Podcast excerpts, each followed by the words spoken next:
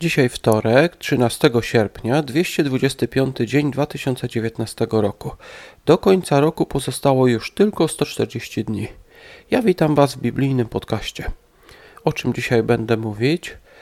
Dlaczego chwała zwycięstwa nie przypadła sędziemu Barakowi?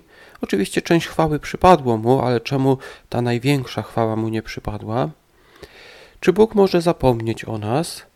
Jak Bóg pocieszył Eliasza? Czy mądrość może dodać nam siły? Sędziów, rozdział czwarty. Sędzia Barak i prorokini Debora. Bóg dał zwycięstwo Barakowi, ale Syserę zabiła kobieta. Dlaczego tak było? Barak zgodził się pójść, aby walczyć, ale pod jednym warunkiem. Tym warunkiem było, że pójdzie z nimi także prorokini Debora.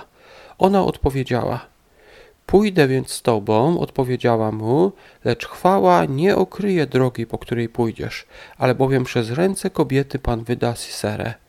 Powstała więc Debora i razem z Barakiem udała się do Kedesz. I tak się właśnie stało. Wraz z Izraelitami do ziemi obiecanej wszedł także szwagier Mojżesza. Jego potomkowie mieszkali potem wśród Izraelitów i właśnie kobieta z tego ludu zabiła Syserę, który uciekł z pola bitwy. Ale jak Barakowi udało się w ogóle pokonać Syserę i jego rydwany z kosami? O tym dowiemy się jutro. Izajasza, rozdział 49. Powrót Izraelitów z niewoli. W wersecie 15 mamy takie ciekawe porównanie. Izajasza 49:15. Czyż może niewiasta zapomnieć o swym niemowlęciu, ta, która kocha syna swego łona? A nawet gdyby ona zapomniała, ja nie zapomnę o tobie. Bóg pozwolił, aby jego lud poszedł do niewoli, ale on nigdy nie zapomniał o swoim ludzie. Rzymian, rozdział 11. Resztka prawy, która się ostała, i przykład drzewa oliwnego. Paweł w tym rozdziale przypomniał czasy Eliasza, który myślał o tym, że jest ostatnim wiernym Bogu sługą. I wtedy Bóg powiedział mu o innych. I Paweł przytacza tutaj te słowa. Paweł się do tego odnosi i mówi, że teraz także pozostaje, teraz chodzi o czasy Pawła, że teraz także pozostaje mała grupka wiernych. Rzymian 11:4. Lecz co mu głosi odpowiedź Boża? Pozostawiłem sobie siedem tysięcy mężów, którzy nie zgięli kolana przed Balem. Tak więc w przeszłości Eliasz myślał, że jest ostatnim sługą Bożym i Bóg mu powiedział, że jest jeszcze siedem tysięcy. Paweł odniósł to do czasów, kiedy on żył i powiedział, że teraz też jest taka mała grupka wiernych osób.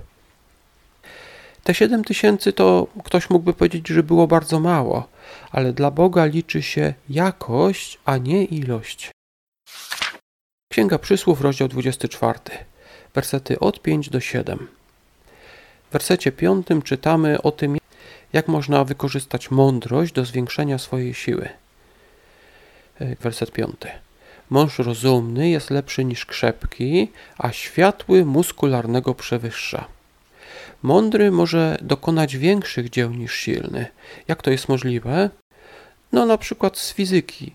Y, ktoś, kto jest mądry, może wykorzystać dźwignię i przy pomocy dźwigni, chociaż jest słabszy, może podnieść większy ciężar niż ktoś, kto jest silny. To jest chociażby taki przykład wykorzystania mądrości do tego, żeby przewyższyć kogoś, kto jest silniejszy. I do tego właśnie zachęca Biblia. Y, czasami musimy się posłużyć swoją siłą, ale być może warto się zawsze zastanowić, czy nie warto wykorzystać rozsądku. Co warto szczególnie dzisiaj zapamiętać? Jest mało prawdopodobne, aby kobieta zapomniała o swoim dziecku. Tym bardziej Bóg nie zapomni o nas. W Izajasza czytaliśmy: Nawet gdyby ona, czyli kobieta, zapomniała, ja o tobie nie zapomnę. Na dzisiaj to wszystko. Do usłyszenia jutro.